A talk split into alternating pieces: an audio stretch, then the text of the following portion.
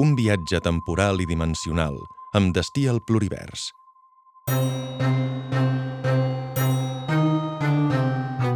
La rebel·lió dels dandis. Capítol 5. Univers paral·lel.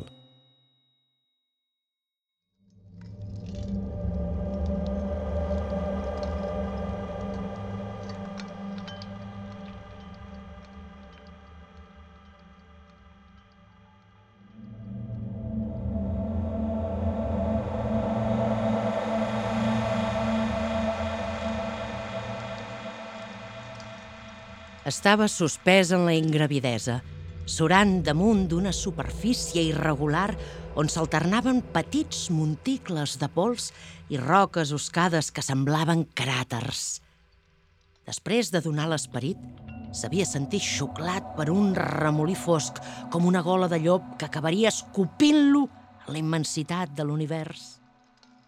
I sense saber com, havia vingut a parar aquí. No podia obrir els ulls. Tanmateix, era capaç de veure que al seu entorn s'estenien infinitud de galàxies amb estels lluminosos. Es podia bellugar en aquell espai sense atmosfera i conservava la memòria d'allò viscut, havent-se alliberat del sofriment físic. No sé on sóc, però tinc consciència de mi i del paper de professor que vaig representar quan capitanejava el grup dels dandis.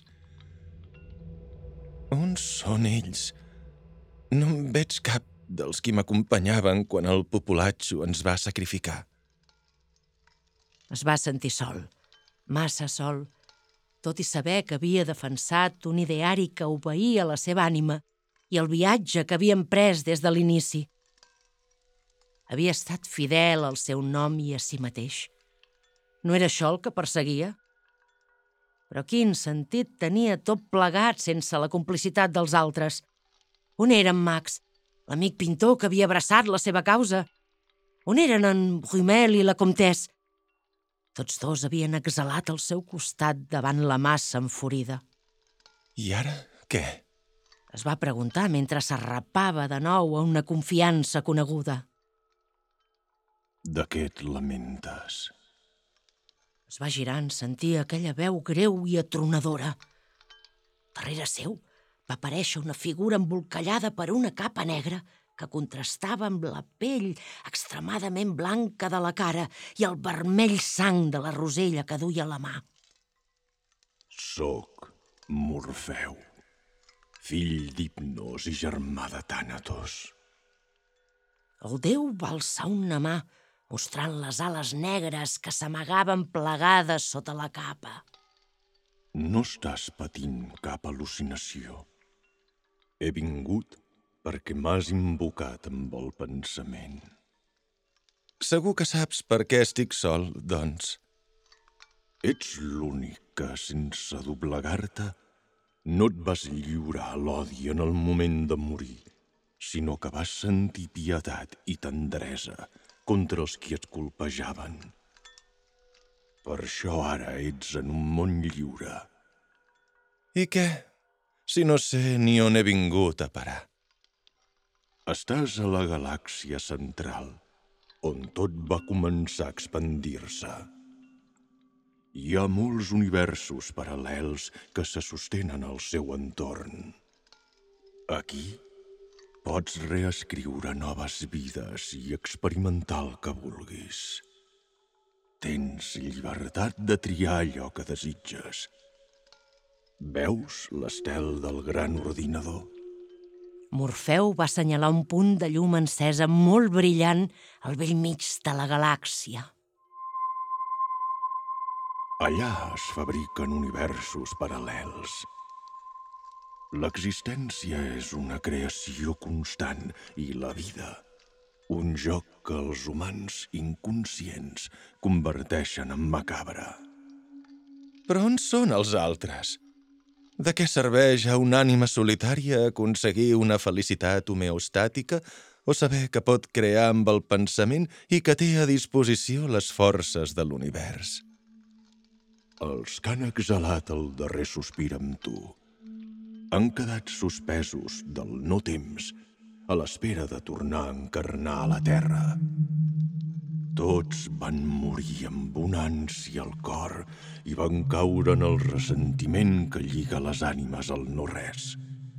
No sabien que els qui us varen matar en un acte de barbària, en ser arrossegats per les baixes passions, s'han condemnat ells mateixos a la desgràcia. No pots anar a rescatar-los? Això també depèn d'ells i de tu. Només cal que ho somis i si et reconeixen i no tenen por, et seguiran fins aquí. Morfeu va desaparèixer i Fidel va sentir que, tot i la lleugeresa de la dimensió on es trobava, la flonjor que l'havia acompanyat fins al moment s'acabava de dissipar. La seva ànima es compadia de la sort dels seus companys. No podia acceptar haver-los perdut en aquell viatge llarg i es va apressar a fer el que li havia dit el Déu abans d'esvair-se. Jo només et puc oferir els meus braços. No li va caldre cloure els ulls. Ja els tenia tancats, però ho veia tot. Es va llançar els braços de Morfeu per anar a trobar Prumel i la Comtesse. Si aconseguia fer-los confiar de nou, podrien apel·lar les forces de creació. Qui sap si més endavant, quan fos l'hora destinada segons el temps que regia la Terra, tornaria a veure l'amic Max. Potser aleshores estaríem preparats per crear un altre univers paral·lel, on l'art rescatés de la mort els humans que volguessin acollir-s'hi.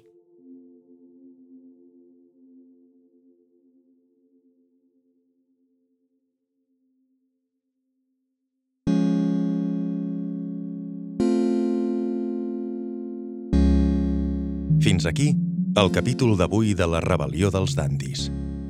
L'autora del capítol, Núria Esponellà, ha triat l'obra Abstracció còsmica de 1963 d'Evarist Vallès Rovira, Pierola, 1923, Figueres, 1999, com a escenari per la narració.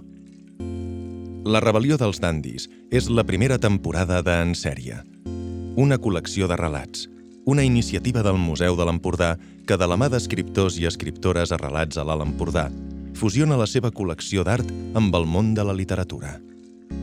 Cada capítol s'ha gestat sota dues premisses. Continuar la narrativa just on la va deixar el relat anterior i rendir homenatge, d'alguna manera, a una de les 3.000 obres del fons del museu.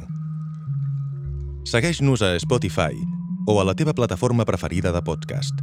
Trobaràs més informació al web del museu www.museuempordà.org.